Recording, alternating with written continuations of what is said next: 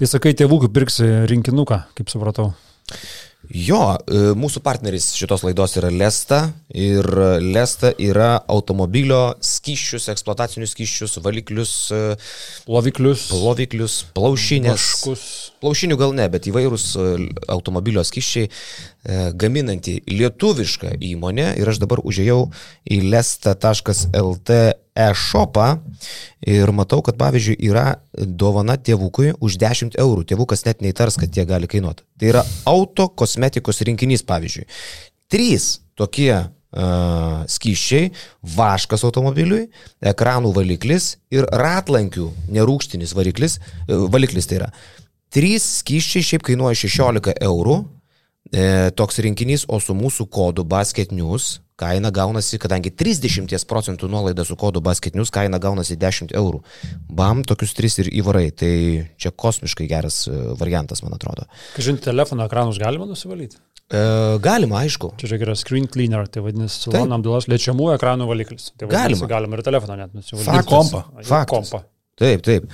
Tai Lesta LT bendrovė gaminanti eksploatacinius skyščius transporto priemonėms, langų plovimo skyščiai, aušinimo skyščiai, visokie skyščiai, valikliai, tiek kožankiai, jeigu vairuojat e, labai prabangės mašinas, tiek e, veliūrui, jeigu vairuojat, sakykime, Opel Kadett ar Corsa ar netgi nedaug dievė Fiat tipo yra tokia mašina. Tai su Lesta jūs praktiškai išsivalę, išsišveitę, galų gale galite net ir kaip aš, aš taip įsivaizduoju, galite improvizuoti ir net bandyti praustis su visu tuo.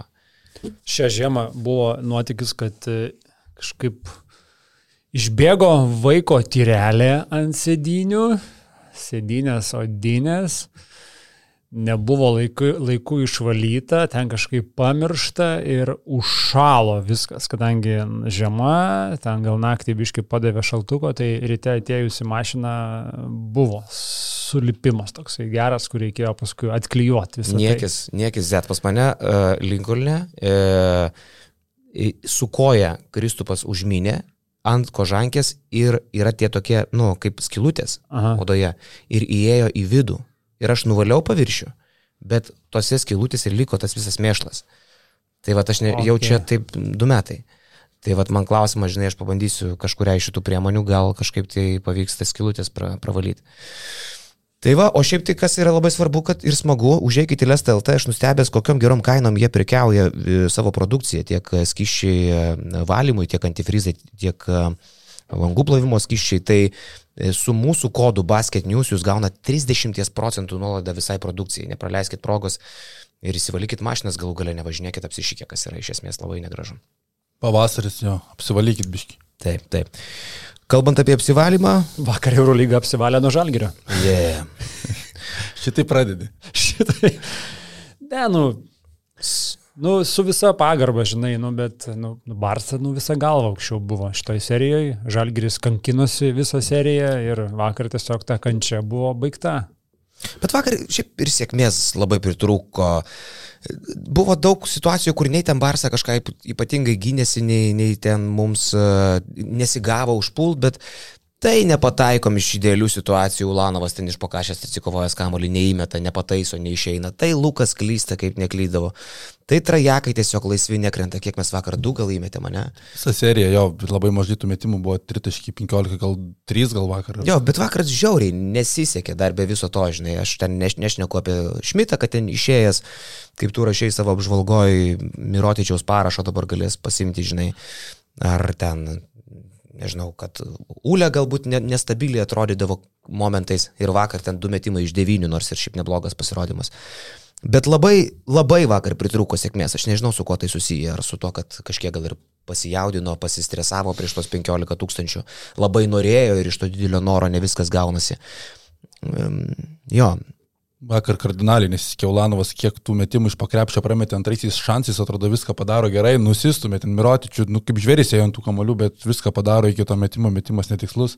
Tayloras prasiveržė į stiprią pusę, prametė gerą metimą, Lekavičius pameta kamolius, bet iš esmės vakar su vyresniu kolega prieš rungtynės kalbėjome ir jisai buvo įstikinęs, kad Šaras atiduos čia pergalę Žalgiriui, sako, bus gavęs pinigų, kad Žalgiris gautų dar vieną, aš sakau, nu nekalbėk tu nesąmonę. Šaras bus gavęs pinigų. Jis sako, bus Čia dešimt- Žilva taip sugalvoja. Ne, kitas dar Bet kolegai turi būti per 50. ir per 50. Jasna. Ir jisai man, nu sakau, nu baig, baig. Ir tuos pirmus du kelnius žiūriu, galvoju, kad reiks man jos atsiprašyti. Atrodo, Šaras tikrai buvo liepęs žaisti kaip įmanoma barsai prašiau, bet vis tiek Žalgiris atsilikinėjo ir to neužteko, kad du kelnius Barsa tiesiog nebuvo rungtynėse, aštuonios klaidos per pirmą kelnį, aš neatsimenu, kada Barsa tiek jų padarė ir po pertraukos tai jau įjungė savo režimą ir nubėgo į priekį. Tai tas toksai gaila, kad Žalgiris nepasinaudojo tais pirmais dviem kelniais, kur tikrai atrodė, kad Šaras davė nuolaidų Žalgiriui. Jo, mes dar va su Jonu, kol tu mašiną parkavais išnekėjom apie tą pačią, tą pačią tiesą, kad pusantro milijono eurų vakarą tiesiog buvo taip vė- vė- vėjai, visos kopiūros vėjai išėjo. Kažkas pro- prodyją, 200 tūkstančių prodyjos restoraną pra, prapleveno ten, žinai, pro Maironio gatvę, žinai, pro Karaliaus Mindaugo, pro McDonald'ą, kur žmonės irgi ėjo liūdnais veidais po rungtinių, ten kubetos pinigų. Deja, bet a, dar vienas mačas Kaune, bet tiek buvo vertas Žalgiriui. Tai manau, kad Paulius apie tai, Matijūnas apie tai turėjo galvoti, važiuodamas namo savo mašinoje. Jo, pusantro milijono, kai čia tos skaičius pagarsino, Paulius Matijūnas Lukui Katilių interviu, geras šiaip intervas. Tai, nu tikrai įspūdingi skaičiai, pakeltos tos kainos, bet atrodo, čia vien pajamų pusantro milijono, tai kosmosas žalgerio biudžetais žiūrint, du brangiausi krepšininkai. Uh, blemba, ką Žalgiris vakar davė žmonėms už tos brangius bilietus, nu, galėsim prie krepšinio sugrįžti, bet davė man tas tonkų uh, vietoj Andriaus Žiūrausko, jisai atostogavo. Tikrai atostogavo. Uh, paskui Mikaitis dar net žinutę parašė Žiūrauskui, tu tikrai atostogavo ir čia tave nuėmė. Ir taip pasakė, ne, ne, tikrai atostogavo. Davė Marijoną Mikutavičių per didžiąją pertrauką su ugnies teatru. Irgi visai solidžiai. Kiek turėjo duoti Marijonui, kad jisai 3 milijonus sudainavo, nes jisai buvo minėjęs, kad nebedainuos. trijų Aštuonias milijonų. kavalkas spėčiau. Ne? Vienas gabalas, jo, didžioji pertrauka, manyčiau, apie 8, 8K. Tikrai ne, ne, ne, ne 20, ten, ne 30, čia jau privatas tiek kainuotų Mm. su, su, su grupė. Kažkas tokio. iš esmės renginys, ne kaip krepšinio, o kaip tiesiog renginys. Nes Paulius Matijūnas sakė, kad mes darom ne tik krepšinio tą reginį, bet visą renginį norim Nu, padaryti. painvestavo Žalgiris, žiūrėk, nebuvo to trapo, kur e, žaidėjai Prastai per pristatymą bėga ten tą stakadą ir nusileidžia. Jį pakeitė ledai. Priminė šiek tiek net KMT, anksčiau tokie sprendimai irgi būdavo. Iš už ledų atbėga žaidėjai. Gražiai atrodė. E, Stonkus e, patiko, patiko.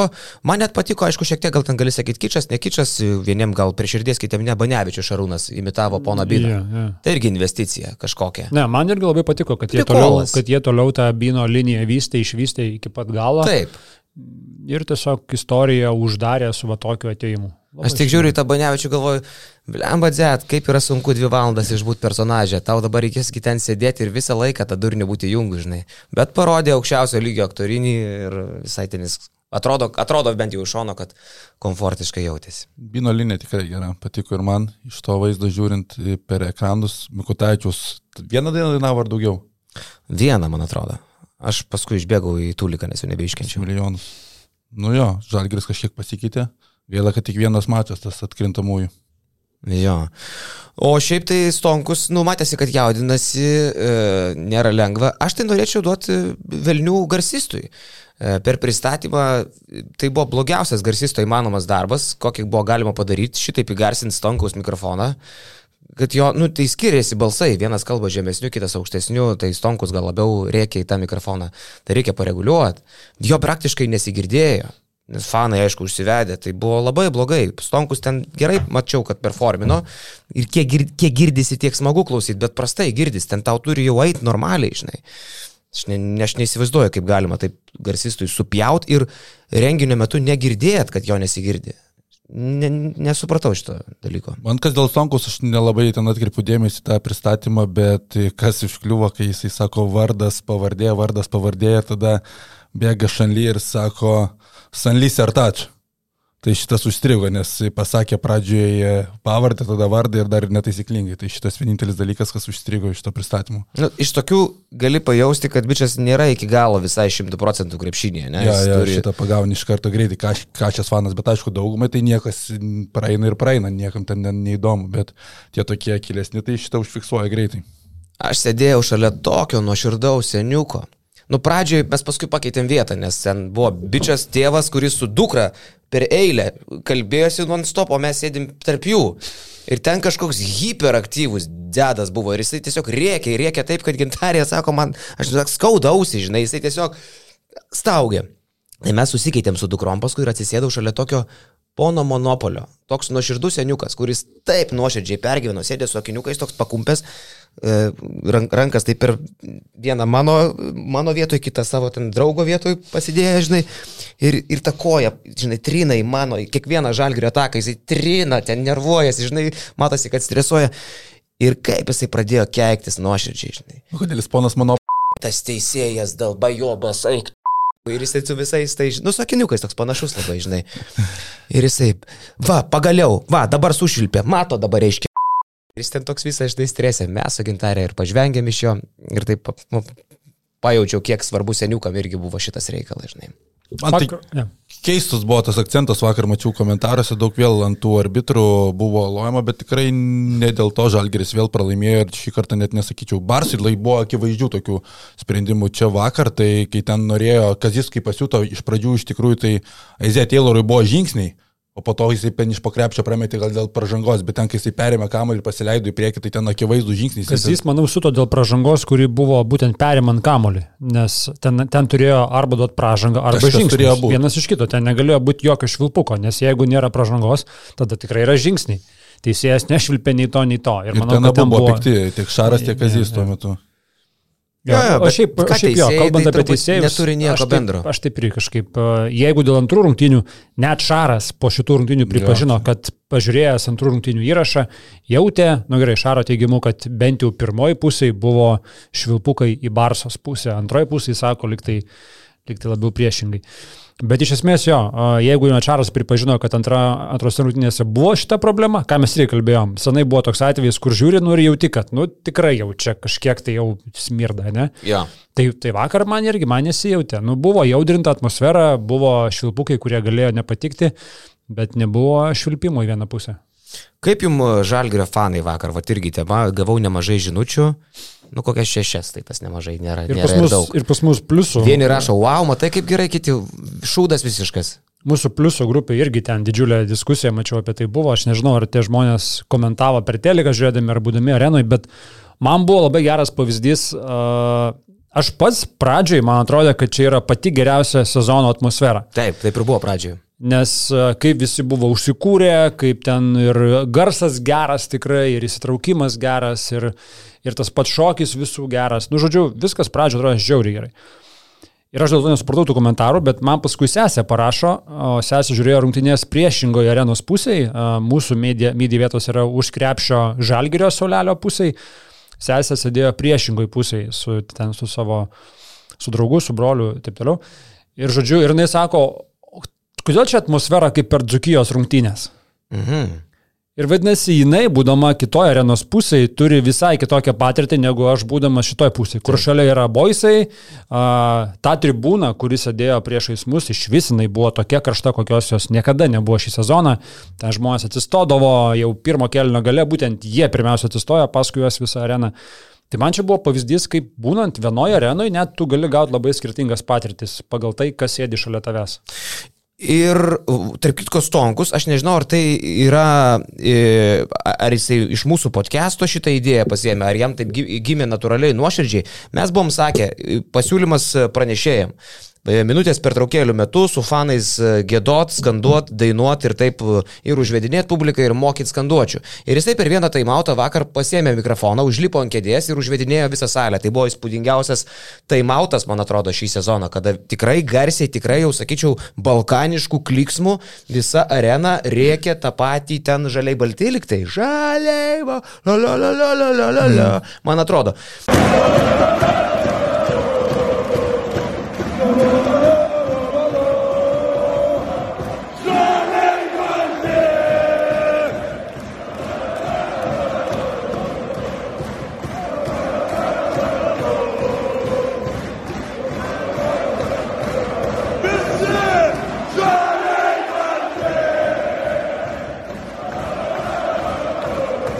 Tai buvo labai labai galinga. Ir čia būtų puikiai idėja tą daryti nuolatos. Vietoj žalgrio šokėjų pasirodymų karts nuo karto, du, tris kartus per rungtynės, ypatingai jau tokiais momentais, kada komanda kyla, improvizuot, ką Stonkus ir padarė. Aš manau, tai buvo improvizacija ir nesuderinta. Pasėmė mikrofoną, užlipė ant kėdės, gal net kaip prancūzas ir išbėgė aikštelės vidurį, tik aišku, turi būti nuoširdžiai, nekičia, žinai, tu turi tikrai, akis turi dėti. Stonkus geras aktorius, jis tą padarytų. Ir su visa minė pavarai šitą. Žmonėms reikia ir, ir to, kad davai, davai, davai, į jiem į veidą kažkas pariektų, žinai, ir kad su tavim gėda pranešėjas, kaip ir žinai, jau nebe gėda, nebe aš vieną, žinai, nebe ten gal vėliau ir matai, kad reikia ir tas labai žmonės užima ir užveda. Tai vad, jo, šitą aš daryčiau dažniau, man tas labai patiko. Jo, tas darbas su žiūrovais nėra sunku užkurti tą areną, kai yra ten susirinkę 15 tūkstančių, jau kažkiek ir po vieną šaltą paėmę, vieną kitą. Tai tikrai, jeigu tu dirbi per timautus, tai ją užkurti nėra sunku, o kalbant apie tą visą bendrą atmosferą, kai aš mes komentavom ne iš vietos, o iš per ekranus, tai nu, nesijautė, kad kažkokios išskirtinės rungtynės, tiesiog pradžioje atrodė tas šokinėjimas tikrai ganėtinai natūraliai, jeigu mes sakydom, kad galbūt kažkiek nenatūraliai sezono pradžioje tas atrodo šokinėjimas, kai dabar pašokinėkime prieš rungtynės, tai šį kartą atrodė, kad tikrai užsikūrė ir, Visiškai. ir savo, savo norų visi šokinėja, viskas gražu, bet kažkiek ir tos rungtynės tokios neleido tai arenai, man atrodo, sprokti, nes, nu, pirmasis kelnys, nu, tai tikrai nežiūrėtinas turbūt akį, akį žiūrovams. Bet Sakau, reikia pagirti jie... fanus, jie kilo, į, aš atsiprašau, Jonai, jie kilo net iš savo vietų po kiekvieno kėlinio, kai anksčiau tik rungtynių gale stodavo. Pirmo jo. ir antro kėlinio. Pirmo ir antro. Stojo, trečio nestojo. Nes jau mišęs buvo. Ketvirto vėl, visi pagarbinti jau komandą, sezonas ja. stojo vėl. Bet vėlgi, nu, kaip ir sakė, Žalgiris startavo iš pirmų 13 metimų pataikant vieną ir tris kartus suklystant. Tai kokio tu gali tikėtis užsivedimo žmonių, kai komanda startuoja taip tragiškai? Iš esmės, 15 blogų epizodų, 12 pramestų metimų, 3 klaidos, 15 blogų epizodų. Nu, ko tu gali tikėtis? Aš nežinau, tu turi būti neadekvatus, kad tu čia kažkaip tai užsivedęs būtumai. Kur kartais gal mes tiesiog esam linkę, nežinau, heitint vardan heitinimo šitoje situacijoje kaip panašiai prieš kelias dienas kažkas komentavo, kad ir Štarko arenoje girdisi kėdų e, cipsėjimas, tai kokia čia atmosfera maždaug kažkas komentavo, kai irgi partizanui buvo kažkokia tai duobelė didesnė. Ir neva girdėjosi kėdai, ir neva dėl to atmosfera bloga. Taip ir čia, kažkas iškart pradeda heitinti, kad atmosfera kaip kapuose. Nu tai 15 blogų kažkokių epizodų. Žalgirio arena tiesiog tokie yra ko tau reikia žiūrint, čia pamatai, aišku, partizaną, pamatai Makabį, ten aistringesni tie fanai, bet pažalgiri viskas labai kultūringai ir nėra tos beprotystės. Tai... Sakau, turiu, turiu labai gerą patarimą, manau, ir pasiūlymą. Kubė jau bandyta idėja rašyti tas skanduotės, pasimt keturias paprasčiausias žalgirio skanduotės, ar tai žalia balta hei hei, ar tai ten žaliai balti la la la la la la la, ar ten dar vad kokias kelias, žinai, ir per taimautus, sakau, 3-4 kartus per rungtynės, pranešėjas po truputį moko ir, ir gali, galima po truputį ir sunkint tas skanduotės, žinai, labai greitai fanai pasigautų, labai greitai išmoktų, labai gerai pradėtų jaustis. Galų galia tas pats kvietimas, jeigu tą darytų Stonkus. Žiūrauskas, nežinau, ar tam iki galo tinkamas yra. Stonkus, manau, kad e, tame geriau jaustusi. Tiesiog kvietimas atsistoti iš savo vietų. Ir ne tai, kad, nagi mylėjai ir galiai, o dabar visi pakylam ir savo vietų, žinai, ne, hebra, kylam, davai visi, visi, visi. Nu, bet davai galima, žinai. Ne, ne tiek pasakymas, kiek savo pavyzdžių tas pats padarimas. Taip, taip, taip. Pats pakylė ir ant tos kėdės pradėjo. Taip, taip, taip. Ir tą širdį žmogus greit ir pajaus, tas žiūrovas, ir jisai tą įsikinkys ir, ir tą labai greitai padarys. Lietuvis, jisai, jisai mėgsta, kai jam sako, let's go, davai. Ir čia toks, žinai, sakau, mum, man atrodo, kas yra blogiausia, kad čia yra iškart suplakama, kaip čia blogai, kaip čia kokios atmosferos. Nes pirmiausia, mes pasidžiaugim, kad ta arena šį sezoną neužsipildė tik tai pirmose rungtynėse, žmonės išperka visus bilietus, ateina į areną, mums nereikia kažkaip, mums tai aš kalbu kaip, nu, ir klubui žalgerio, ir apskritai visuomeniai kažkaip papildomai skatinto ėjimo į krepšinį, jisai šį sezoną buvo išprotėjimas maksimalus iš tos pusės, arena užsipildo, Sirgaliai palaiko taip, kaip mes palaikom pagal savo mentalitetą. Ar gali būti geriau? Taip tikrai gali. Čia jau turbūt ir, ir boisų, ir, ir žalgerio idėjų kažkoks tai generavimas turėtų būti, bet apskritai paėmus, aš manau, tiesiog reikia pasidžiaugti, kad mes turim vieną geriausią atmosferą Europoje, kad ir kiek mes ją plaktume ir norėtume tiesiog dar geriau, nes mes esam perfekcionistai lietuviai, kuriems vis norisi, kad būtų įspūdingiau, gražiau, garsiau ir taip toliau. Yra gerai, Gali būti geriau, bet tikrai yra labai gerai. Nu, čia mes labai šį sezoną pradėjome apie tai garsiai kalbėti, anksčiau kažkaip gal užsimerkę buvom tam reikalui, kad nu, nėra taip jau garsu ir triukšminga, kaip galbūt mes įsivaizduojam. Bet čia vis dėl to esi labiausiai nu, tai kaltas tu, nes nusiveži mane į Belgradą, aš tai, taip tai aiškinčiau. Tai va, šiaip grįžtant prie rungtinių, ne, man kažkiek pasirodė keistas tas kazio taimautas, kur jisai turėjo kiekvieną sakinį pabaigdamas. Be...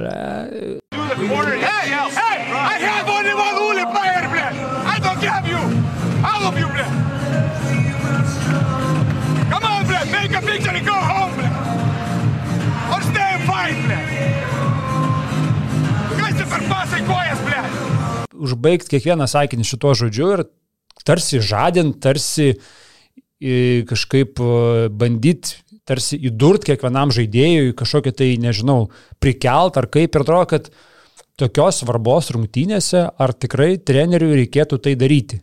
Ir aš galvoju, ar čia buvo kažkiek kazio per daug emocijų, ar jisai juto, kad žaidėjai nepakankamai atsidavė, nepakankamai susikaupė, gal čia susikaupimo klausimas, neatsidavimo, gal čia tas, kad... Bet atsigavo po to taimauto žalgris, iš tikrųjų? Atsigavo po taimauto, jo. Tai tada vadinasi viskas gerai. Pavyko, nes nu, tikrai kažkaip e, atrodė toks išgastis lengvas, sutrikimas. Tu ten, tu spaudos konferencijai uždavai klausimą, ne? Apie ten, ar, ar buvot nesusikaupę? Kazio, jo, jo. Ar, jo, jo. Ar, Aš gal klausiau nesusikaupę, klausiau apie užsivedimą turbūt. Kažką, jo, jo. jo. Tai manau, kad jie ir susikaupė ir užsivedė. Tik tai, kad sutrikė gal. Nes, nu, žinai, kaip Kazis gerai ir sakė, aš irgi mėgstu šitą visą laiką palyginimą, kai lygiai skiriasi aštuntokai ir dešimtokai. Nu, ir ir tu supranti, kad čia sezono pabaiga ir tu nenori nuvilti 15 tūkstančių žmonių, nu, vis tiek jauti didžiulę atsakomybę. Manau, kad tiesiog sutrikimas tai buvo, bet, tai, bet tas taimautas pažadino. Šiaip iškalbinga buvo, kai pasakė, kad turiu tik tais vieną žmogų Edgarą Ulanovą. Taip ir atrodė rungtinių pradžioje, kad Ulė užsivedęs lipa per galvą, o kiti sutrikė, kaip tu gerai sakai, tos klaidos tokios sunkiai paaiškinamos, tas susikaupimas labai akivaizdu buvo koncentracijos trūkumas, kai Žalgeris turi nulį pražangų, Janas Veselį gauna kamolį arčiau krepšio, prieš jį likęs Ignas Brasdeikis ir Brasdeikis tiesiog vienas prieš vieną bando gintis, jokios pražangos nieko nedaro, tai arba ateina pagalba ir tu giniesi, arba tu tiesiog prasižengi. Tai čia parodė, kad Žalgeris rungtinių pradžioje tikrai neišėjo šimtų procentų koncentracijos geros. Aš čia gal palyginčiau, žinai, kaip mokinys mokosi kokį nors eilėraštį žino jį mintinai, draugams papasakoja, mamai papasakoja, visiems papasakoja, tada išlipa į mokyklos aktų salę, užlipa ant scenos ir e, nebeatsimena net, žinai, nei vieno žodžio, net kaip pradėti. Ir kaip patyręs aktorius užlipa ant scenos, jeigu ir nežino to žodžio ar pamiršo, tai suimprovizuos taip, kad tu net pamirši ir nesuprasi, kad jis tai nežinojo to teksto, žinai, tai aš taip palyginčiau vat, tą išsigandusi mokinuką, kuris eilėraštį žinojo ir visiems papasakojo, bet jau užlipęs ant scenos nebegali, ir Barsą, kuri na, gal kažkuris žodis ir ne tas, bet jeigu ką suimprovizuosim ir, ir vis tiek profesionalūs aktoriai yra profesionalūs aktoriai, žinai. Jo, ir prieš Barsą norint laimėti bent kartą turi labai daug faktorių sukristi, jeigu aš prieš trečiasis rungtynės vardinau tuos rezervus, kurių neturėjo Barcelonoje ir kurias gali kaunė turėti, kad pratestų seriją, tai buvo fanai, gynyba, gynyba aukščiau buvo pakelta, tai šitie du faktoriai tikrai buvo, ta atmosfera jautėsi vis tiek priešiškesnė, bet Rolandas Šmitas ir Aizė Tayloras toliau buvo savo šešėliai Tayloras gal dar ir negali žaisti šimtų procentų, o Rolandas Šmitas, kaip ir sakiau, nu tikrai sudegė visą seriją ir kad jis Maksytis pasakė net konferencijoje, kad psichologija turbūt esminis dalykas, tai reiškia tikrai galvoje ten Latvijos neaišku, kas vyrė. Kai tavo vienas pagrindinių žaidėjų pirmoji rungtynių pusėje prameta abu metimus ir neatsikovoja ne vieno kamulio. Antroji pusė atsikovojo keturis metimo, taip ir nepataikė, bet iš esmės, nu, negali Žalgeris leis savo tokios prabangos, kad jų vienas svarbiausių žaidėjų nebūtų rungtynėse. Tai nėra Barsa, kur jeigu nebus Veselį rungtynėse, ar nebus Lapro, kur vakar Lapro šiaip beje buvo išjungtas, ne, lyginant mm. su antrom rungtynėm, kur Lapro ten dalyjo tos perdavimus, kiek 11 pridalijo ir ant lėkštelės viską dėjo Veseliui. Vakar Lapro buvo išjungtas, bet iš esmės Barsa yra tokia komanda, kur tu išjungi vieną ar netgi du žaidėjus ir kaip tam nukirstam slibinui išauga nauja galva, tiesiog ir nauja galva jie puola. Žalgiris tos prabangos neturi ir Šmitas, tas pats Tayloras tikrai atrodė kaip nesavas, anksti buvo pakeistas. Antrą pusę šiaip irgi, kas, kas nustebino, kad jis startavo praktiškai su antru penketu, ko aš gal net ir nematęs. Šį sezoną buvau iš, iš Žalgerio, iš Kazio pusės, kur iš starto penketo liko tik tai Butkevičius ir prie Butkevičiaus visi likę atsarginiai žaidėjai buvo. Kur vėlgi, ar tai buvo tam tikra žinutė, norint dar labiau pažadinti starto penketą, ar tai buvo tiesiog, kad kas jis jautė, kad šitie krepšininkai pirmoji pusė geriau atrodė ir aš su jais pradėsiu antrą pusę. Nu jo, tai kad Polonara trečią kelnį pradeda, o ne Šmitas, tai daug ką pasako, bet Iš tos pusės žiūrint, kokią turėjo Šmitas seriją, tai galima net žiūrėti ir iš tos e, teigiamos pusės, jeigu mes kalbėjom, kaip Šmitas čia keliasi kainą, bet klubai visi Eurolygos mato ir atsižvelgia į tokius mačius stresinius atkrintamosios, tai sakyčiau, kad per Šmito akcijas tai kerta. Žalgiris vis tiek realiai šansų laimėti serijos prieš Barsą neturėjo, kad ir koks būtų e, geras Šmitas, tai sakyčiau, kad atrodo dabar neblogos galimybės Žalgiriui turėtų būti prasitęsita sutartis su Šmitu, nes tai bet kokiu atveju nu, buvo esminis šio sezono žaidėjas. Tik žiūrint už kokius pinigus dabar jis gauna apie pusę milijono, ne? Viršbiškinio. Tai 600. buvo kalbos, kad jo kaina rinkoje iki playoffų buvo apie net milijoną. iki milijono, kažkas ten iš ispanų ir tiek buvo pasiryžęs, galbūt net duota, ne? Tai dabar turbūt ta kaina, nu, tikrai nėra tokia, nebent jis jau turi susitarę su kažkuo. Bejočiau, šiaip, šiaip sakau. Bet ar tu laikytum Šmitą už 700? Laikyčiau Šmitą už 700 tikrai ir pats Paulius Matijūnas tam pačiam interviu, kad Tiliui sakė, kad pasikėlė kai kurie žaidėjai trečdalių kainas ir kai kuriais atvejais mums netai tinka. Tas trečdalis pakelti atlyginimą žalgeriui šiuo atveju tiktų, kai tokį sezoną tu turėtum, tai Šmitą už 700 tikrai pasilikčiau. Mhm. Ką su Heisu darytumėt? Nu, jeigu 270 ar ten 300, nu, tai tu už tokią sumą kalvarkėse nelabai gerą magnetolą nupirksi. Nežinau, aš manau, kad uh, jeigu tokie pinigai, tai reikia pasilikti žmogų. Net kaip ir rolinį, ar kaip kažkokį. Kaip ką, tai. kaip antrą centrą? Turbūt. Kas tada pirmas birutis? Nublema, birutis yra topinis. Čia, čia birutis tai yra labiausiai Please Forgive Me uh, dainos vertas bičias šį sezoną. Absoliučiai dominavo, savo minutės išnaudojo, nieks su juo nieko padaryti negali. Nežinau, staiga pasidarė elitinių žaidėjų, e, nu, super centru. Nu, Birutis tapo tokiu centru kaip Donatas Matijūnas Monakė, kur tu su juo gali pradėti mačą, žaisti kažkiek trečiam kilny, ketvirtuose tu su juo nežaisi, bet jis laisvai gali tau pradėti rungtynės starto penketę. Na niekas negali sustabdyti Laurino Biručio. Vakaras kartojau ir kartojau, gauna įsipaustą tą kamolį, atrodo visai bando uždaryti jam kairę pusę, kad jisai nesi, nesisuktų ją vis tiek. Pražanga arba taškai, pražanga arba taškai. Tai dėl Biručio labai smagu šį sezoną, kaip jisai patobulėjo. Tai turbūt ši serija jisai buvo stabiliausias žalgerio žaidėjas ir jį geriausiai iliustravo visą tą Biručio progresą per visą sezoną. Nuostabu. O dėl Kevarisio Heiso tai labai sunku pasakyti sakai kainos, taip, jisai tinkamas Kazio sistemai centras yra gynybinis, bet kai sezono pabaigoje jau į antrą pusę einant jisai tampa tokiu vos ne trečių centrų, kadangi Šmitas pradėdavo, Birutis eidavo, Kevarsas Heisas trečių centrų išeina ir sužaidžia tas kelias minutės, tai daug ką pasako, kad kažkiek kiek ir nepatenkintas, kad jis turbūt kaip jo atsinešimu pastaruoju metu ir spaudos konferencija ta buvo anksčiau, aišku, po to pasikeitė, bet dėl Heizo toks klaustukas. Jeigu tu turi rinkoje kokį centrą, kuris tau gali daugiau duoti, gali turėti stabilesnį metimą iš distancijos, tai nu, tu tikrai galvoji dėl Heizo pratesimo. Tai kokį nors ketvirtą geresnį nusipirks, sakai, ir Šmitas stumti penktą ir su Biručiu, kad būtų du centrai, Šmitas ir Birutis. Šmitas, ir geras ketvirtas, kur dar šmit, penktų gali iš bėdos. Bet Šmitas idealiausias yra tokio vietoje ketvirtų, penktų, kai gali žaisti. Čia, jeigu jį pavyksta išlaikyti, tai daug galvoti nereikia, tai tik tai dėl Heizo pasikeitimo. Bet šiaip aš manau, kad tų korekcijų kažkiek bus, kad jis vakar spaudos konferencijoje sakė, bet esminis dalykas, kad Žalgeriui trūko to tokio šalia žaidėjo, pradžių šalia Evanso, po to šalia Tayloro. Aš manau, kad Ignas Brasdeikis, jeigu liks Žalgerį kitą sezoną, turės tikrai proveržę sezoną matėsi tie žingsniai, dedami taip, vakar prastas mačas daug tų bangavimų, bet aš manau, kad Igno Brasdeikio kitas sezonas nu, bus tas, kaip mes kalbėdavom prie Šaro, kai antrieji sezonai būdavo įspūdingi, tai man Brasdeikis nuteikia pozityviai, bet vis tiek aš galvoju, kad yra Brasdeikis, yra Evansas ir šalia Evanso reikia dar, dar tokio žaidėjo, kuris su kamoliu galėtų daug būti ir tą pakeisti, kuomet jų nėra ant parketo. Tai Tayloras? Arba Tayloras yra tų variantų rinkoje, atrodo, čia dabar toksai vakar baigė, baigė sezoną ant karą, Džerianas Grantas, jisai vasarą irgi buvo Žalgirio kiratyje, man labai patik, patinka, kaip jisai atrodė šį sezoną. Pernai Eurolygoje negavo daug šansų, nes buvo Milanė, kuris buvo tiesiog perpildytas, bet tų variantų tikrai yra. Su Donce praeitą kartą kalbėjom apie Karsiną Edvardsą, tokio stiliaus žaidėją. Viljamsas Gosas, neaišku, ką jisai veiks po Madrido Realo, nes nu, vienas mačas tai dar nereiškia, kad su juo prasitęsta sutartį. Tai tų gynėjų rinkoje tikrai su patirtimi Eurolygos bus ir Žalgiris tikrai turės dairytis to, to papildymo. Bet mes jau šnekam apie daug brangių krepšininkų, o tada man klausė, nes buvo dar neseniai laikas laikai, kai Žalgeris jau jeigu kažką moka 700, tai čia jau žaksima, ne? Tai dabar žiūrėk, šnekam, kad Šmitas 700, šnekam, kad Evan 700, šnekam, kad Brasdėjai 700. Dar jeigu Tayloras arba tokio lygio žaidėjas, tai irgi apie pusę lemo, ne? E, Ule apie pusę lemo daugiau, e, Lekavičius. Kodėl tu Taylorą dėjai?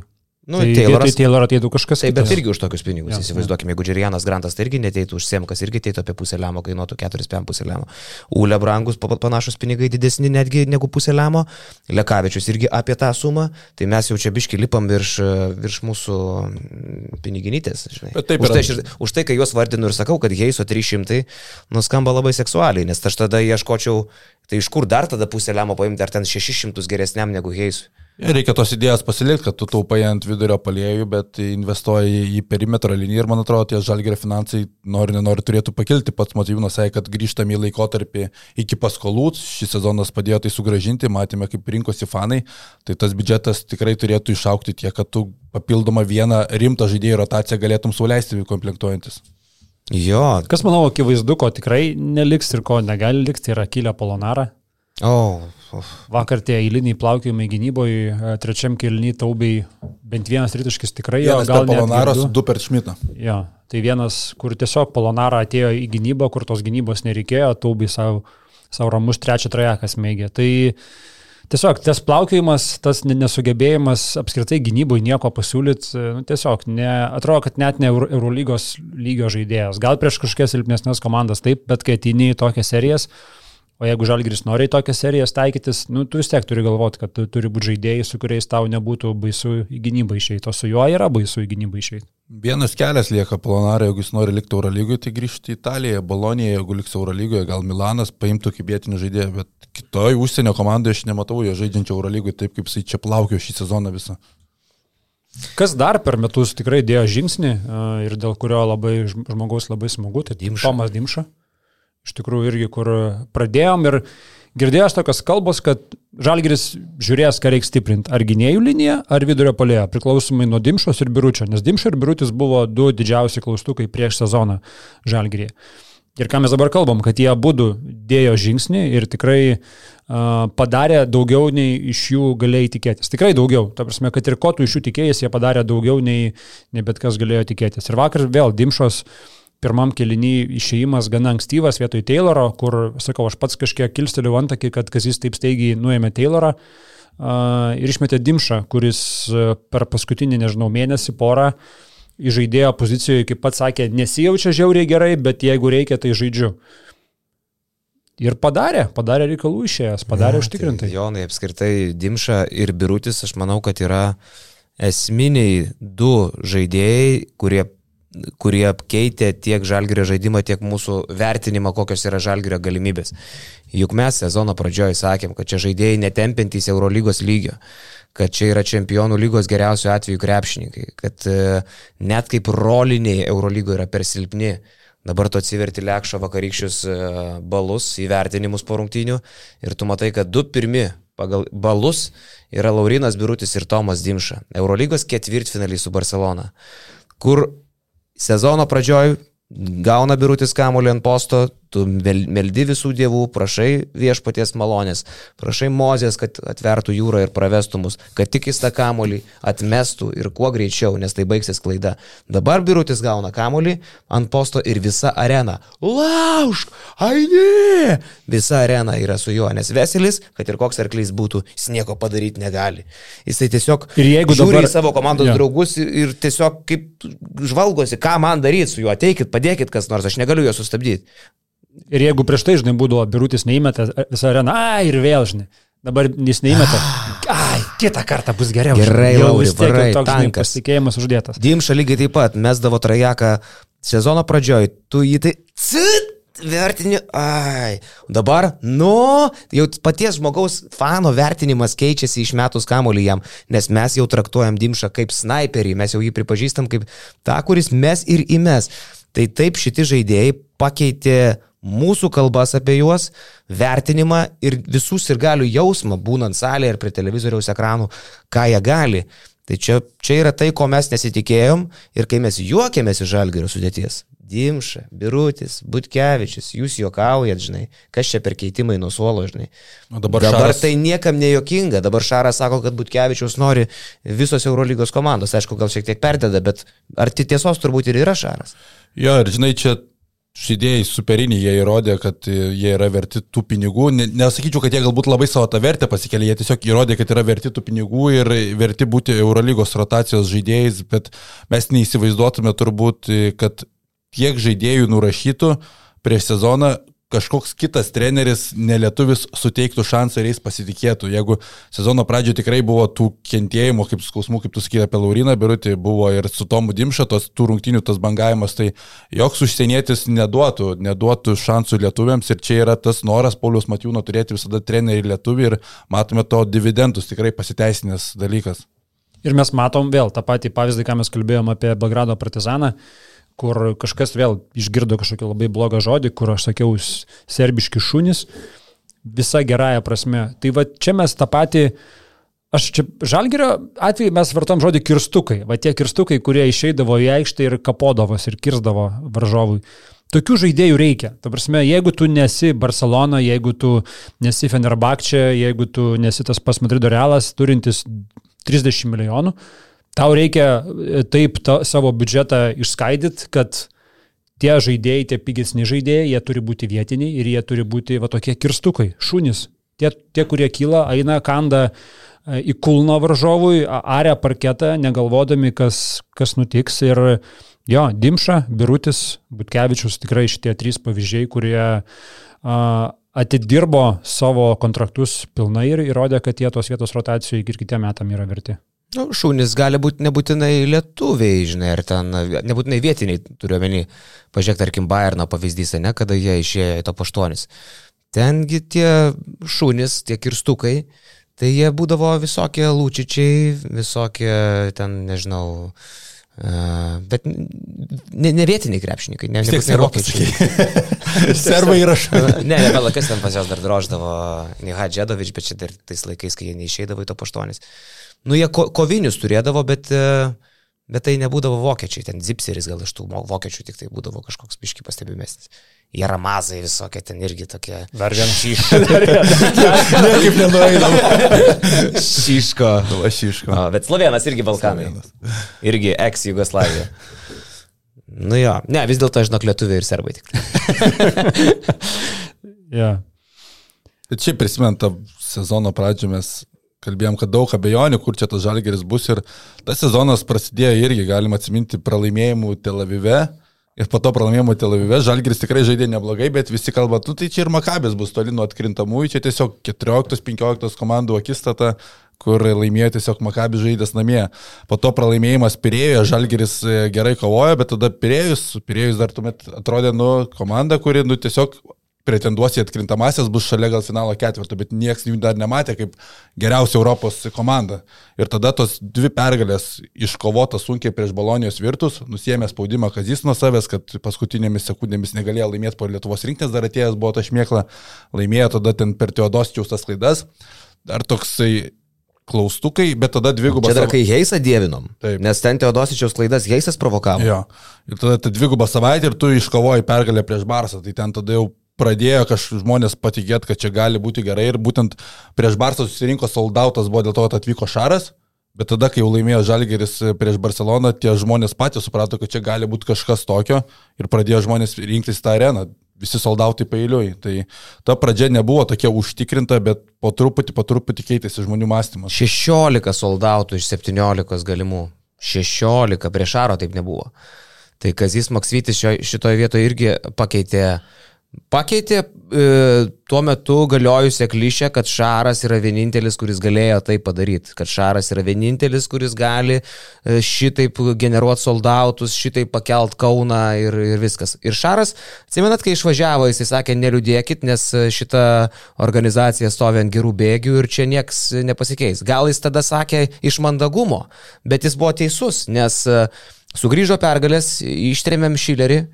Ir e, viskas, ir, ir su pergalėm, su, su Kaziu situacija 16 soldautų iš 17.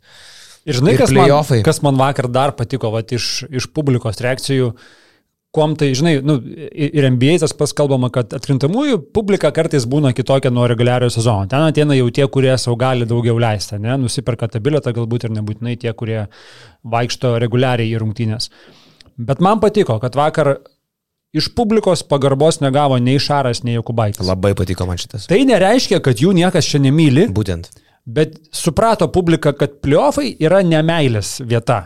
Čia mes turim juos priimti uh, piktai, taip kaip priimtume tamsų uh, šilainių skersgatvį sutiktą kažkokį tai prašalietį 95 metais.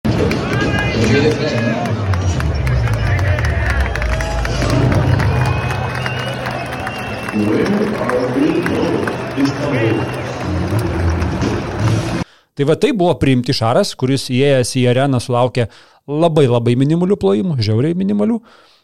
Jokubaitis buvo nušviltas ir buvo nušvilpinėjimas rungtynių metu, kur abu du yra mylimi žalgerio sirgalių žmonės. Bet vakar buvo ne, ne diena meilė, aš net nebijoju, kad atvažiuos finalo ketvirtas, čia vyks Kaune, jie bus priimti šiltai, nes jie bus Lietuvos atstovai ir jie ne prieš mus kovos. Vakar, taip. Pati Barsa pasirūpino, kad lietuviai, fanai, kauniečiai vakar atėjo ir ne tik kauniečiai arena, kad turėtų heito Barsai, dėl to, kad visi tie skandalai su lietuvių neįleidimais į Palau Blograną įsi, įsirėžė visiems į atmintį. Jo, žinai, Stonkus vakar čia... irgi pasistengė. Jo, e, Stonkus, Stonkus du kartus vakar pasakė, kad uh, jie yeah, mūsų neįleido. tai dabar. Ir Šaras po rungtynių buvo storis įkeltas, Stonkus Aha. susitiko. Nu, tai kas ten tavęs kur neįleidžia, tai kažką sumušė pitakai, žinai, okay. koridoriukė. Šaras girdi. Ja, ja. Nu, bet čia, žinai, aš manau visi supranta, kad ne Šaras neįleido ir ne Rokelis neįleido. Čia yra organizacijos dalykas. Nu jo, bet turiu minį, gal heitas Barcelonai padidėjo, o kitas mm. dalykas - Rokelio trajakas Barcelonai į Žalgirio krepšį, kai jis ten po rungtinių gavo daug žinučių, irgi, žinai, maždaug sužadino tas, ei, taigi tu lietuvis, ką tu darai. Bet Rokelis vakar, kai nuėdėjo finalinę sireną, jie ten pabandė pašokti su Barsa, ten kažką pergalę šokti. greitai buvo. Tada buvo didžiulis švilpimas, kaip tu sakai, jie suspaudė sparniukus ir tada taip tyliai viduje polkutė sudrepsėjo. Rokelis išsiskyręs iš to švenčiančių Barsos žaidėjų rato, nuėjo link uh, Žalgirio boisų tribūnos ir uh, plojo.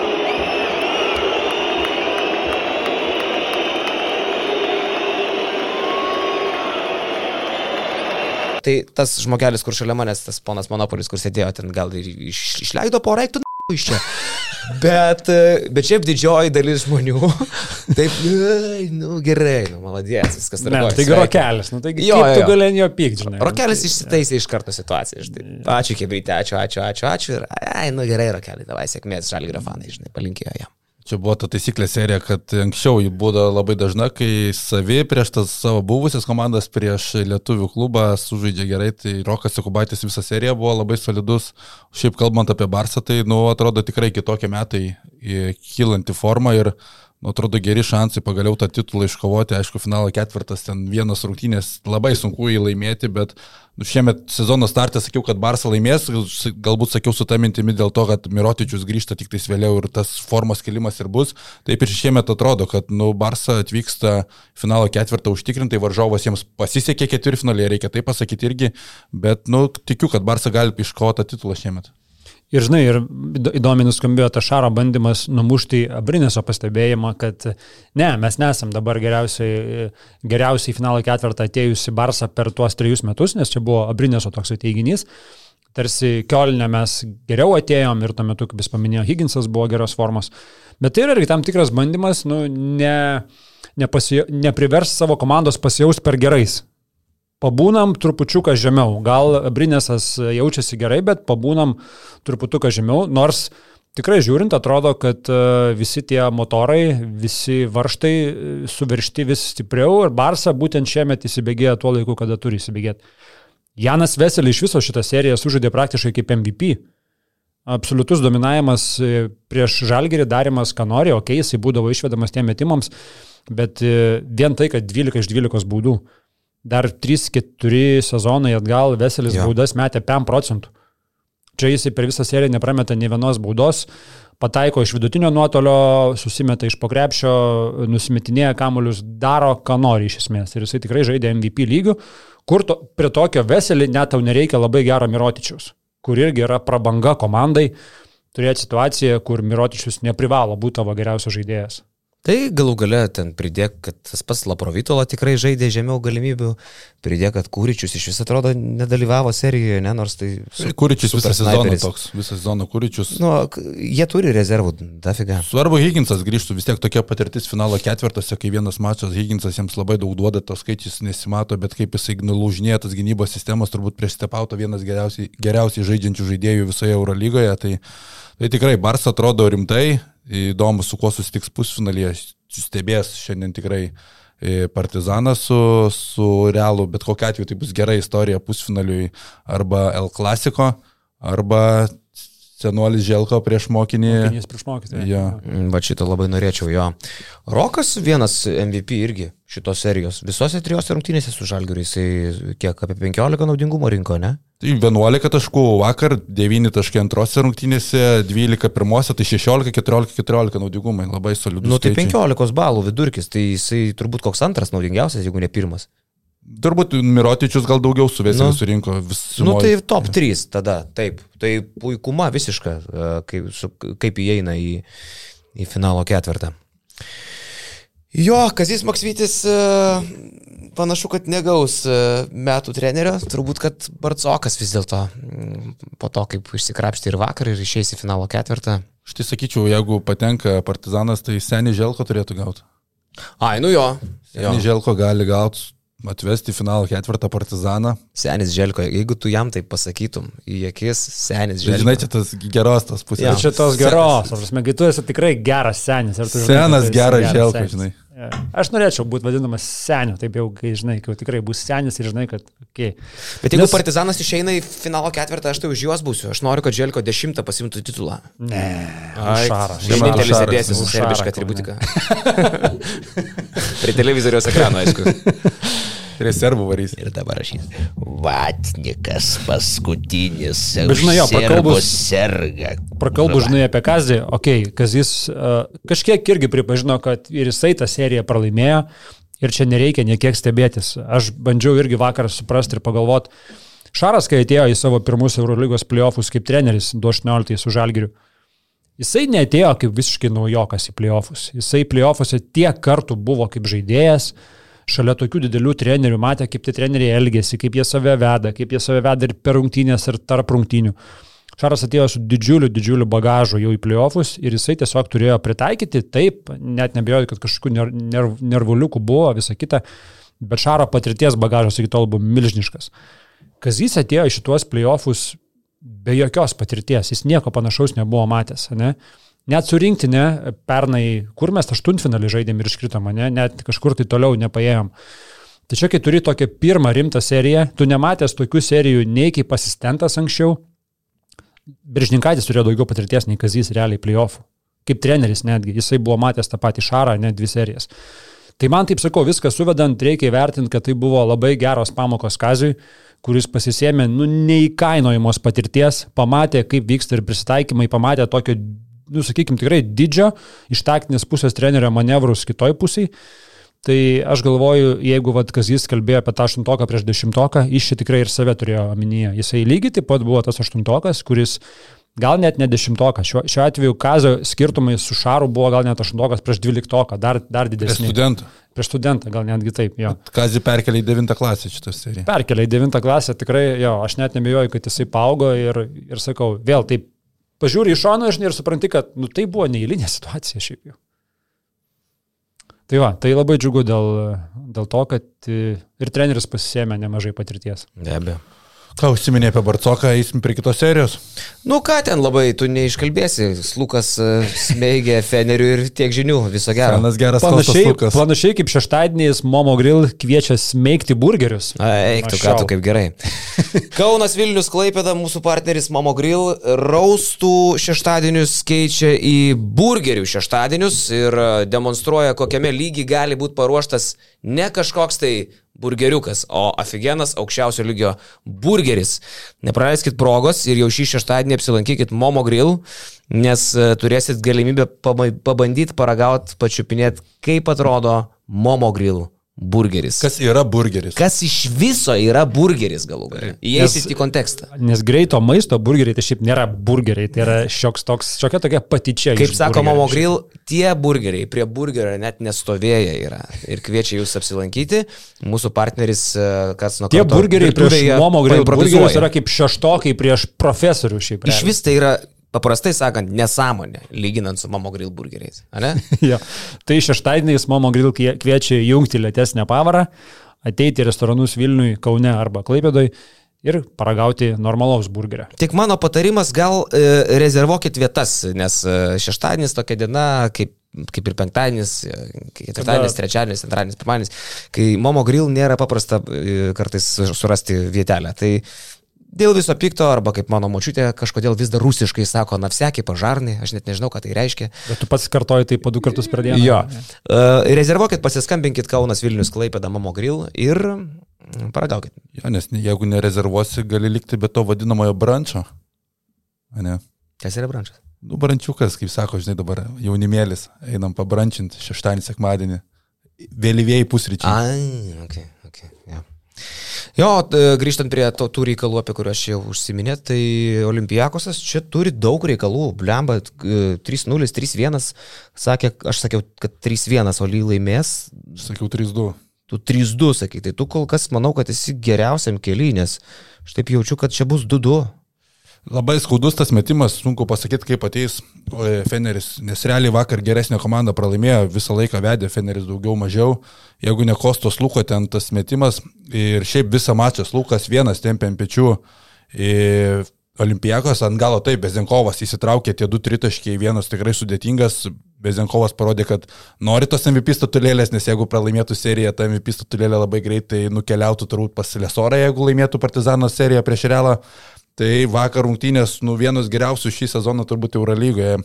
Iš tų taktinių prasmių, nu, Dimitris Etudis įrodinėja, kad yra topinis treneris, kad ir kaip tu gali jo nemėgti dėl kažkokių kitokių dalykų, bet taktiškai, strategiškai, nu, nuostabus treneris. Tau labai patiko Barcoko taimautas, mačiau įkėliai uh, apie passing, passing. Jo, jo, čia ir, ir mūsų Saušalo Hebra atkirpo vakar tą taimautą. O ko ten tu taip Oli, sužavėjo? Olimpijakos, žinai, man, man uh, pati idėja tai, kad Olimpijakos tuo metu pirmavo vienu tašku. Tarsi atrodo, antram kilnyje net ten buvo spurtavę, man regis, tarsi perėmė iniciatyvą. Tai Mautas ir Bardzokas ne tai, kad ten ar tai girtų, ar tai labai peiktų, jisai vieną labai paprastą dalyką akcentuoja, kurį turbūt pastebėjo, kad to trūksta. Ir jūs apie tą pesing, pasuokitės, pasuokitės, perduokit kamuolį ir jūs būsite herojais. Ne šiaip, žinai, kažko, kažkokiu žodžiu, būsite herojais.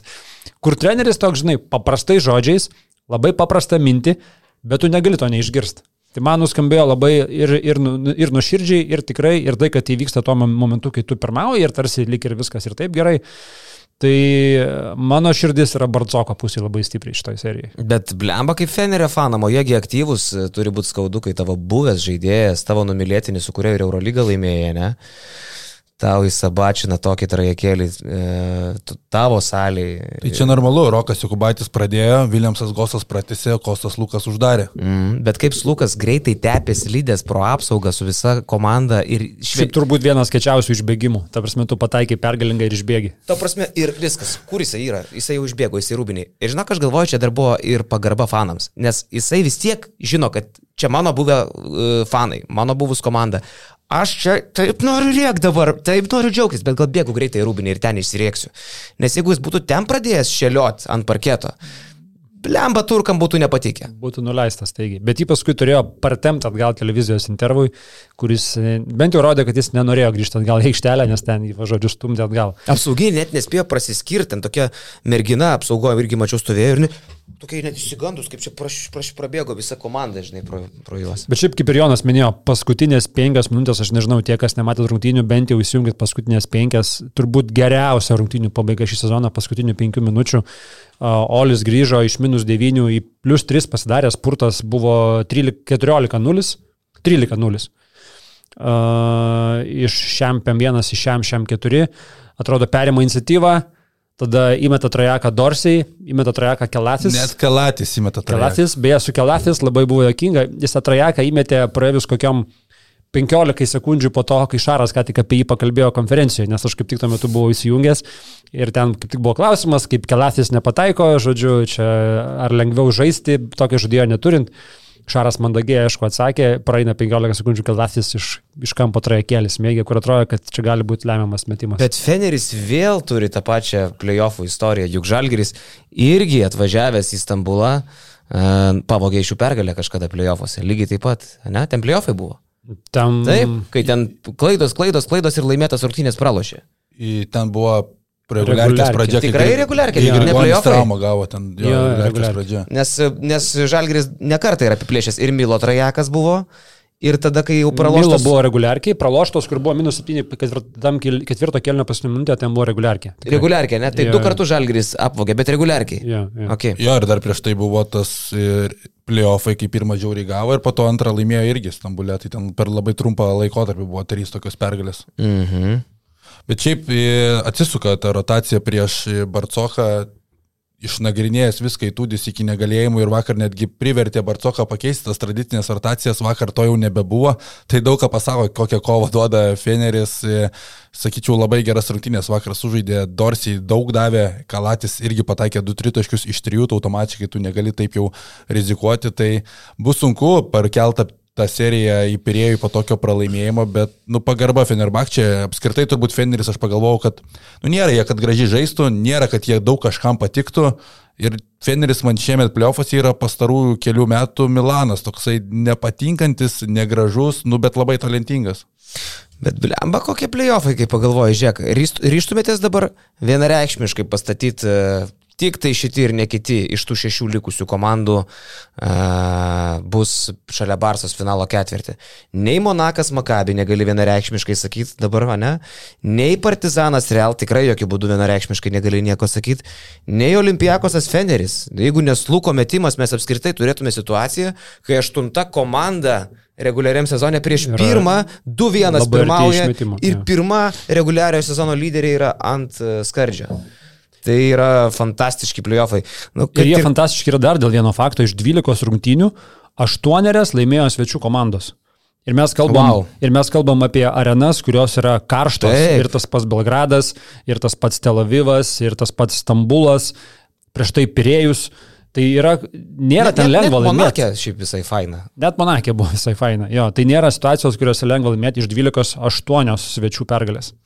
Tarp kitko liko neapkalbėtas vienas labai svarbus dalykas ir aš e, noriu atkreipti tai dėmesį. Donatas Urbanas, kai buvo Monakė, jūs matėt, kokiose vietose jisai sėdėjo? Sėdėjo šalia Virgio, Virgio Ne tik šalia Virgijos jis sėdėjo. ir šalia Donsės panelės. Taip, ir sėdėjo už Monako atsarginių suolo. Tai ne žurnalistų jisai vietose sėdi, nuvažiavęs į Monako, jisai sėdi už atsarginių suolo. V VIP. Su Virgiu Mikalausku, su Brigita atrodo Donato draugės vardas, ne? Nežinau vardo, bet mačiau, jo, pradžio galvoju, čia Donsė, neturėtų jis kažkaip prie žurnalistų, bet gal ten Monakė sunku su tom vietom. Aš iš tikrųjų jam parašiau labai daug teksto tuo metu, kada jisai žiūrėjo tas rungtynės. Jisai apsimetė, kad ne... Aš jį... Ai, dabar net įsivedė, žinai kaip? Žiūrėk, Monako princas. Aš jį persi, persivadinau. Tai aš jam rašiau, eiktų, kokiuose vietose sėdit, wow, linkėjimai treneriui. Tada Donzė rašo, parodė. Tada žiūrėk, kokia mano paklodė jam. Į kurią jisai atrašo, tikrai viską skaičiau, galimai yra korupcijos pripažįst. Okay. Jo, bet e, kaip ir Jonas sakė, turbūt kalbant apie Oli Fenerio seriją, esmė dabar jau Fenerio psichologija, kiek jie ateis į ketvirtas rungtynės, ne vis dar prisimindami tą metimą, atsukinėdami savo galvoj dar kartą ir dar kartą tai, kas įvyko, nes atrodo, kad viskas pergalė, Guduručius pataiko dvitaškį, sudėtingą dvitaškį, atrodo, kad viskas išspręsta ir staiga tu gauni tokį, tokį durį. Tai psichologija bus esminis dalykas, ar ta serija grįž į priejų. Turbūt blogai kažkiek pasiskaičiavo. Guduričius, nu, tu esant rezultatom lygiam, tu darai viską, kad to laiko nebeliktų. Išmeti paskutinį metimą, taip, tu pataikai, džiaugiesi, bet tu palieki virš 3 sekundžių ir dar olimpiakusas turi taimauto, suprasčiau, jeigu to taimauto nebūtų likę. Tai čia kažkiek ir klaidelė, tai pataikė šunuolis, bet, nu, vad gaunis lūką. Mm. Nu, o šiandien palauk, jau grįžta į seriją Lesoras, ne? Ir Dekas. Ir Dekas grįžta. Nu, aš manau, kad čia pranašumas Bet kokia atveju, Dekas yra labai stiprus šitoje serijoje, kadangi neturi ką prieš pastatyti trečioje pozicijoje prieš šį partizanas, bet aš manau, kad vis tiek didesnis laimėjimas yra partizanui. Tai nes, aišku. nes visiškas dominavimas buvo Tavareso tose trečiose rungtynėse ir Lesoras bus atsvara tikrai. Tai aišku, tai žinai, tu išėmi iš realo ten 12 žaidėjų lygiaverčių vieną, nu, tai jiems tikrai nuostolis mažesnis nei kaip paėmė iš Partizano šešių žaidėjų vieną, nu netgi du, bet šiuo atveju, kad ir tą vieną, ne? Ir tai dar yra Eurolygos potencialus MVP. Tai tokiai komandai čia didžiulis dalykas. Ne, žinok, šiandien aš tai jeigu prognozuočiau, jeigu statyčiau, šiaip sunku, Bet aš sakyčiau, 3-1 baigėsi reikalai Belgrade. Šiandien. Irgi taip matau, žinok. Kažkaip taip matau. Dėdė Želko šiandien paims Čiūsą Matėjovą taip su, su, su, su, su drapalis. Nu, mes visą gerą, aš turiu reikalų biški. Dėdė Želko jisai kažkaip ir per daug nepanikavo, o tos skaudos pralaimėjimo trečiais viską supranta, kad žaidėme ganėtinai neblogą mačą, paskutinėse minutėse pritrūko to tokio lyderio, bet realas nu, nebuvo, kad dominuotų ir visi šansai užsibaigti šiandien seriją, grįžta Lesoras ir viskas, viskas neblogai dėliojasi, kadangi, kaip ir sakėm, nespecialiai pralaimėjom, bet Kevinas Panteris, jeigu laimim, bus finalo ketvirtį. Ir bus bairis, kai Maikas Džeimsas šiandieną padarys dalykus e, ir, ir pagaliau pasakys, kad žiūrėk, tai ką, lyderis negali būti laiminčios komandos. Šiandien jie gali 3-1 pasimti. Gali, bet aš manau, kad penktas mačas bus. Taip jau greitai. O tu prognozavai 3-2 Monaką? Ne, 3-1 sakiau, kad Makabis laimės. A, iš 3-2 Monaką. Ja. Čia tarp mūsų lažybose šitas labai daug reiškia dabar. Praktiškai gali nulemti viską. viską. Tu jau nepataikai žalgerio serijos, viskas tau jau užsi, užsilenkė, bet tu statėjai už Makabį. Už Makabį irgi 3-1. Jūs abu už Makabės, už Monaką aš. E, už Realą, nei vienas iš mūsų, visi už partizaną, už partizaną. ir už Olimpijakosą visi, aišku. Ja.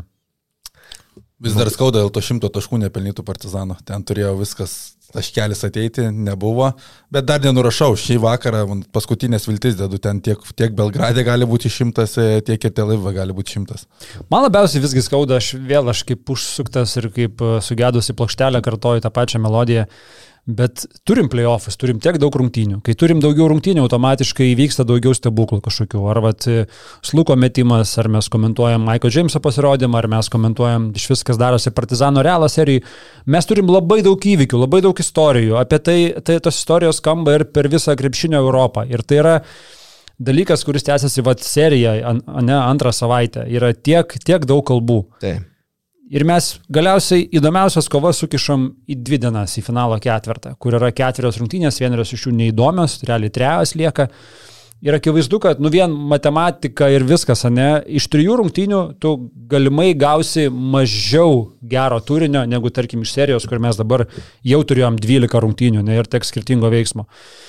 Ir dėl Dievo meilės, nu kada, kada sugalvos, kada Eurolygė ateis šitą mintis, kad kuo daugiau rungtynių, tuo yra daugiau istorijų, tuo yra įdomiau visiems, tuo daugiau turinio, tuo daugiau highlightų, pergalingų metimų. Uh, uh, muštinių, whatever, dar kažko, bet yra tiesiog daugiau visko, daug ger, žinai, geresnis produktas. Daug metų galioja argumentas, kad Eurolygai neapsimoka tą seriją daryti, nes iš finalo ketvirto gali daug uždirbti. Nes, na, žinia, kad Eurolyga bilietus e, pardavinėja pati ir Kaune visi parduoti e, bilietai, visi gauti pinigai už juos atitenka Eurolygai. Tai yra didžiulės sumos. Bet aš tada pradėjau mąstyti, gerai, nu jeigu yra serija, kodėl Eurolyga negali užsidėti savo maržą ant bilietų, didelę maržą, nes į, į finalo serijos rungtynės e, tu gali, Kaune gali daryti 300 eurų mažiausią kainą ir bus pilna, viskas išparduota.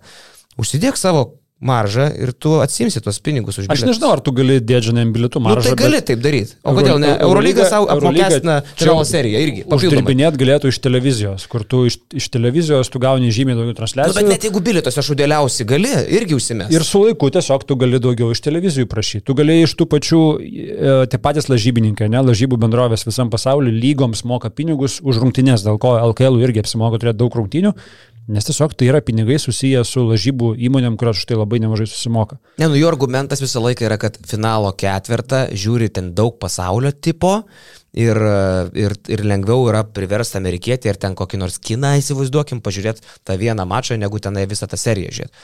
Aš nežinau, ar čia tas iki galo geras argumentas, ar čia tiesiog pasenus plokštelė yra, gal jie savo skaičius turi, Bet kažkodėl turiu tokį jausmą, kad Glikmans, Genadijus, kuris vadovauja paradui, nu tikrai kaip senas e, šulas galėtų išmastyti su Hebra kaip priartinti Eurolygos produktą prie NBA, padaryti serijas ir tą parduoti už ne ką mažiau negu finalo ketvirtą. Negi nėra modelių, negi mes turim gyventi dar 2000-aisiais, iš principo, nuo kada tas finalo ketvirtas vyksta, ne? Kažkaip viskas tokiu puvėku dvelkia. Aš sakau, įsivaizduokit pusfinalio seriją Barcelona prieš Partizaną, Šaras prieš Želko. Ne vienos rungtynės, kur yra kažkiek yra atsitiktinumo gali lemti ir sėkmės ir vis, o tu turi seriją šitų dviejų rimtų dėdžių kapojančių vienas prieš kitą. Man žinai, netgi pusfinalis serijos norėtų finalas Vilniai galėtų būti vienas mačas, tas finalas, okei, okay, viskas sutraukia, taip yra ir futbole, kad e, tu žaidži serijas e, bent jau iš dviejų mačų iki pat finalo, finalas yra vienas, tada tu padarai tą didelį renginį kažkokie miestė, jeigu tu nori taip susirinkti tos pinigus, bet bent jau iki finalo tai turėtų būti serijos vienareikšmiškai. Jo, o kalbant apie tas tvarkarašius įspūdingus, kur mes ten verkiam pastoviai, tai vakar taip netikėtai įvyko ir Europos taurės finalas, kuris, aišku, paskendo tarp e, playoffų, niekas apie jį nieko negirdėjo. Net ir aš negirdėjau, jeigu nebūčiau šiandien basketinius atsivertęs, tai net nebūčiau matęs. Nu, kad jisai, jisai, paviršau tiesiog. Jisai vyko, jisai vyko. Ir šiaip vyko dar, okei, okay, dar pusę velnio, ten vėlyvas laikas, 10 val. Lietuvos laikų, baigėsi prieš 12 paaiškėjo kito sezono Eurolygos nauja komanda, Las Palmo Gran Canaria, kas turbūt reiškia, kad Valencijai tikrai out, penkias ispanų komandas neleis turėti Eurolygoje. Tai Las Palmas in, Valencija greičiausiai out. Tai negreičiausiai, Žilo jau pasakė, kad kitą zoną keturias Ispanijos komandos turės. Tai Žilo taip ir taip. Žilo geriausiai viskas žino. Viskas, viskas aišku. Grįžta legendinis Jaka Lakovičius į Eurolygą. Va tai tau, Vilkai norėjo prieš sezono Lakovičių pasisamdyti, jis sakė, biški palaukai, turi Europos taurę laimėti. ir e, su Gran Canaria susitvarkė reikalus. Bet šiaip kieta sudėtis Gran Canarijos, aš taip pažiūrėjau, Europos taurės mastelis ir LBC, ir Šurna. Jie daug metų kartu žaidžia, turės tikrai stiprintis prieš Eurolygą, su tokia tai būtų patrankų mėsa, bet kokiu atveju Europos taurės mastelis, kai tu turi playoffas visą laiką namų pranašumą ir tas namų pranašumas yra toks, kad tu turi skristi visą laiką į Afriką, tai daug duoda. Ir Turėjo vakar plus 20 Gran Canaria vienu metu, grįžo į Ankarą, kurie žaidžia trumpą rotaciją, šiaip man abi komandos, pat jau galvojau, kad net Turk Telekomas yra perspektyvesnė Eurolygai, kuri galėtų daugiau save sustiprinti, Las Palme, kažin kiek tu ten gali duoti ir tas visas nepatogumas ten nuskristi, tai Ankara man būtų patrauklesnis klubas Eurolygai, bet Gran Canaria įrodė, kad verti būti sportiniu principu. Nu, bet žiūrėk, nepatogumas nuskristi. E, nuo Lietuvos taip, siaubas yra, bet uh, italam zin, ten kas 2000 km, kažkas tokio. Uh, ispanam zin, ne? Italų dvi komandos, ispanų dar trys komandos. Jau penkiom komandom normalus tas atstumas. Graikam, Bolemenija, jau septynios komandos, kuriam zin. Bet žinai, čia gal aš sakyčiau ne tai, kad kitiems klubams, bet pats produktas krenta, kad turi tokią Gran Canariją, kuri žaidžia ir Ispanijos lygoje, ir žaidžia Euro lygoje, kuris skraido į ten ir po to grįžtant dar turi kažkur užsukti sužaisti Ispanijos lygos rungtynės. Tai nu, man sunku įsivaizduoti, kaip jie patiems tas Euro lygos dvigubas savaitės, kuomet reikės žaisti išvykose ir po to dar sužaisti savaitgalį kažkur Ispanijoje. Tai nu, didelis iššūkis tokiam klubui, kad išlaikytų kokybę lygos. Jo, žalgiui tai bus sunku, nes vis dėlto kiek čia čarterių turbūt, kok šešios, septynios valandos vis tiek gauna skristinai. Kažkas tokio. Man bent jau anksčiau būdavo, kad net sustojimas būdavo kur nors Malagoje ir panašiai pasipildyti kūro, nes neužtenka e, su mažesniu lėktuvu. Ja, ja, yra pisiaus tenai nuvaryti. Ja, bet šiaip vat, Jonas užsiminė, kad Ankaros komandai tų eurolyginių žaidėjų atrodo yra, jau nuskambėjo ir to Džeriano Granto pavardė. Tas pats uh, Tairyk, turbūt. Tairykas Džonsas. Taip, taip perėsi vardas, o Tairyk Džonsas tikrai irgi matosi, kad Eurolygos uh, mėsa ir ir gera mėsa gali būti. Spūdingas centriukas, wow. Ja. Bet žinai, vat, atsimeni, Monakė šėlo kažkada uh, Grėjus. Uh, uh, irgi, Robas Grėjus. Robas Grėjus šitoj Europos tauriai. Irgi ten laimėjo, Monakas ten gerai atrodė. Jie laimėjo, ne Uniksas. Monakas laimėjo Europos taurę. Monakas, jo. Nes Uniksas irgi kažkaip antrą vietą užėmė, bet ten... Pateko abu finaliniai. Pateko, jo. Tai irgi ten ir Dibostas, ir, ir lošė krūtai, ne, ir Grėjus atėjo į Eurolygą, nieko padaryti nebegalėjo. Nu, Bostas vėliau ten kitoje komandai, Asvelį vėl pasirodė, bet, bet Eurolygoje Grėjus nulis visiškai. Tai labai sunku vertinti, nes tas tos žirklės tarp Europos taurės ir Eurolygos yra super didelės. Didelis, didelis, grėjai galbūt ten tas. Kaip ir Motlė atrodė, nesustabdomas Europos tauriai. Nesustabdomas. Bet ir Eurolygų kaip žaidžia, jau. Bet la, laukiam penketo. dar daugiau, ne? Nu, aš panašiai tikėjausi, čia Motlė man pateisino lūkesčius, ką aš dėjau į. Nu, šį sezoną Fantasy, vat, e, Paulius e, su Motlė irgi žaidė, mūsų draugelis draftuose. Ai, sako, pradžiai siūliau šiam lesorą už motlį. Ne, ne, ne, eik po vilniais. Galiausiai paskui reguliarkės gale sako, pasimta motlį, būk žmogus. Nu, toks tipo, nes yra didžiulė žirklės tarp Eurolygos ir Europos taurės, ypač debutantams. Bet tu patenki toje komandą Fenerbakčių, kurį Final Four, žinai, pretenduoja. Motley netėjo iš Kauno Žalgerį, kur, nu, turbūt būtų daręs, nežinau, kokius skaičius. Mums jo nereikia, mes turim biurą. Kievarių turim. Kievarių turim. Jo. Ir nežinau, ar girdėjot, bet LSKL dar vyko finalas vakar Liet, Lietuvos studentų lygos. Nežinau, net tai antraštę skaičiau. Ai, bet tai čia dar prie to Las Palmo kalbant, Džonas Šurna tapo MVP. Šurna turi Lietuvos pilietybę, 2014 metais gavo, tai kaip teoriškai, nu, jis galėtų žaisti rinkinį, ketvirtas numeris, tų ketvirtų numerių trūksta, aišku, jam 33, man atrodo, jau, jau tie metai reikėjo anksčiau turbūt kviesti, bet Nežinau, kodėl anksčiau nepabandė, nes nu, vis legalus, legal, legaliai galėtų žaisti, nereikėtų jokių procedūrų papildomų daryti. Mm. O jis skaitytųsi kaip naturalizuotas žaidėjas, ar ne? Jeigu pasą turi, tai kodėl naturalizuotas? Na, nu, kaip įgis tai skaitosi. Bet jisai Kanados rinktiniai sužaidė jaunimo, manau, dėl to. Šurno šaknis yra lietuviškos, tai neturėtų turbūt skaitytis kaip naturalizuotas. Ne, tai įgio irgi šaknis lietuviškas. Jo, bet, bet jis skaitosi. buvo sužaidęs rinktiniai Būtent. FIBO sistemoje, buvo įrašytas kitaip. Dėl to. Šurno nežaidęs nieko. Ne, vyriukai, mums reikės e, kažką galvoti, nes čia pasaulio, ta prasme, va čia yra New Generation, atėjo laikai, e, dėdė Arvidas jau nuėjo, kai nieks to Lietuvos rinktiniai neskuba labai žaisti.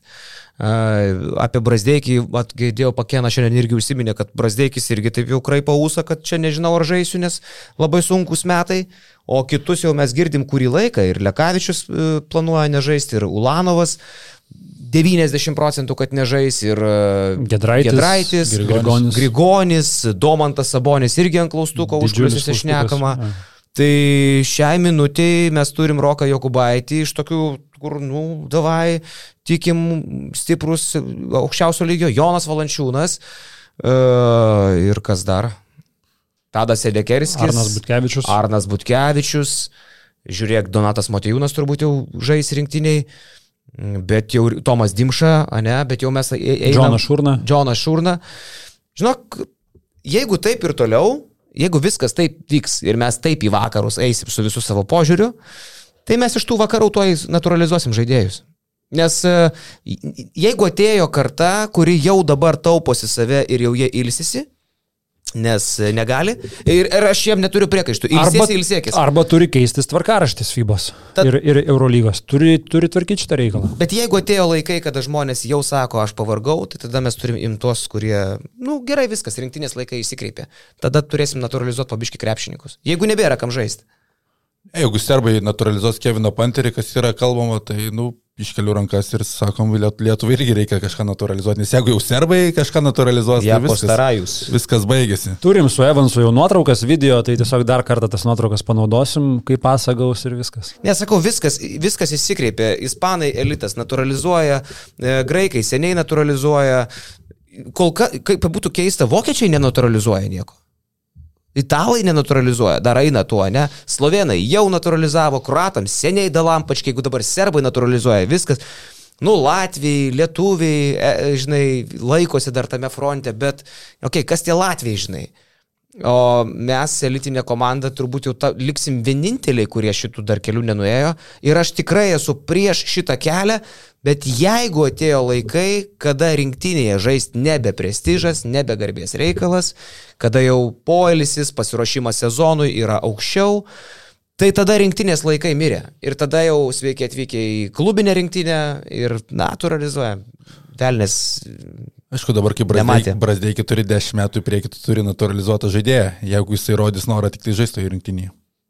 Mm. Mhm. Bet gal, gal nurodys, dabar matau, kad, žinai, Brasdeikiui jisai kitokio vis tiek mentaliteto, pamatys, kad Amerika antrame etape atvažiuos, aš galvoju, tas Brasdeikis rinktinė prieš Ameriką pasirodyti norės. O kita vertus, tai mes galim nusivežti vis tiek labai simpatišką komandėlę, kuri 20 šiek tiek primins. Tie tokie alkani visokie, kurie galbūt būtų užgošti Grigonių ir Gedraičių, kalbu apie Dimšą, ne, ar ten Butkevičių, kuris galbūt Ulės būtų šešėlį.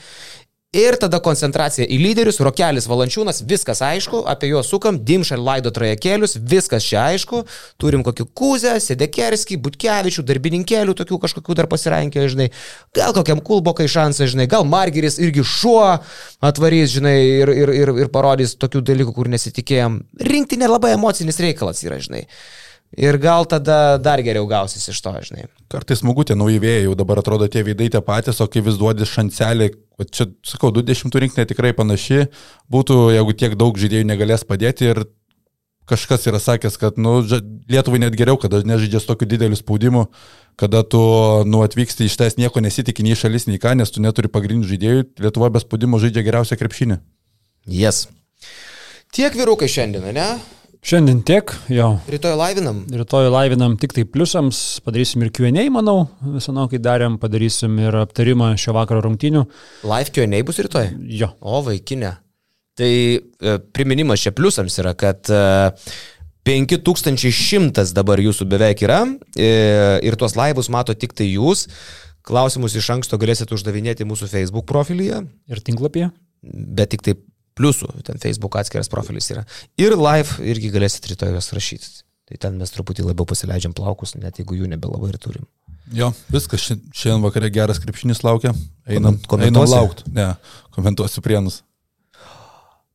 Ir mes važiuojam su Vytu į Prienus. Ja. Aš pabaigai noriu pasakyti, vyrai, šiandien Laidojat prienus? Prienų komanda baigia pasirodymą Lietuvos krepšinio lygių apskritai. Jau yra labai labai aiškios žinutės, kad mažiai iki tikrai ateina ir labas gas tikrai išeina. Tikrai išėjai. Okay. Viskas.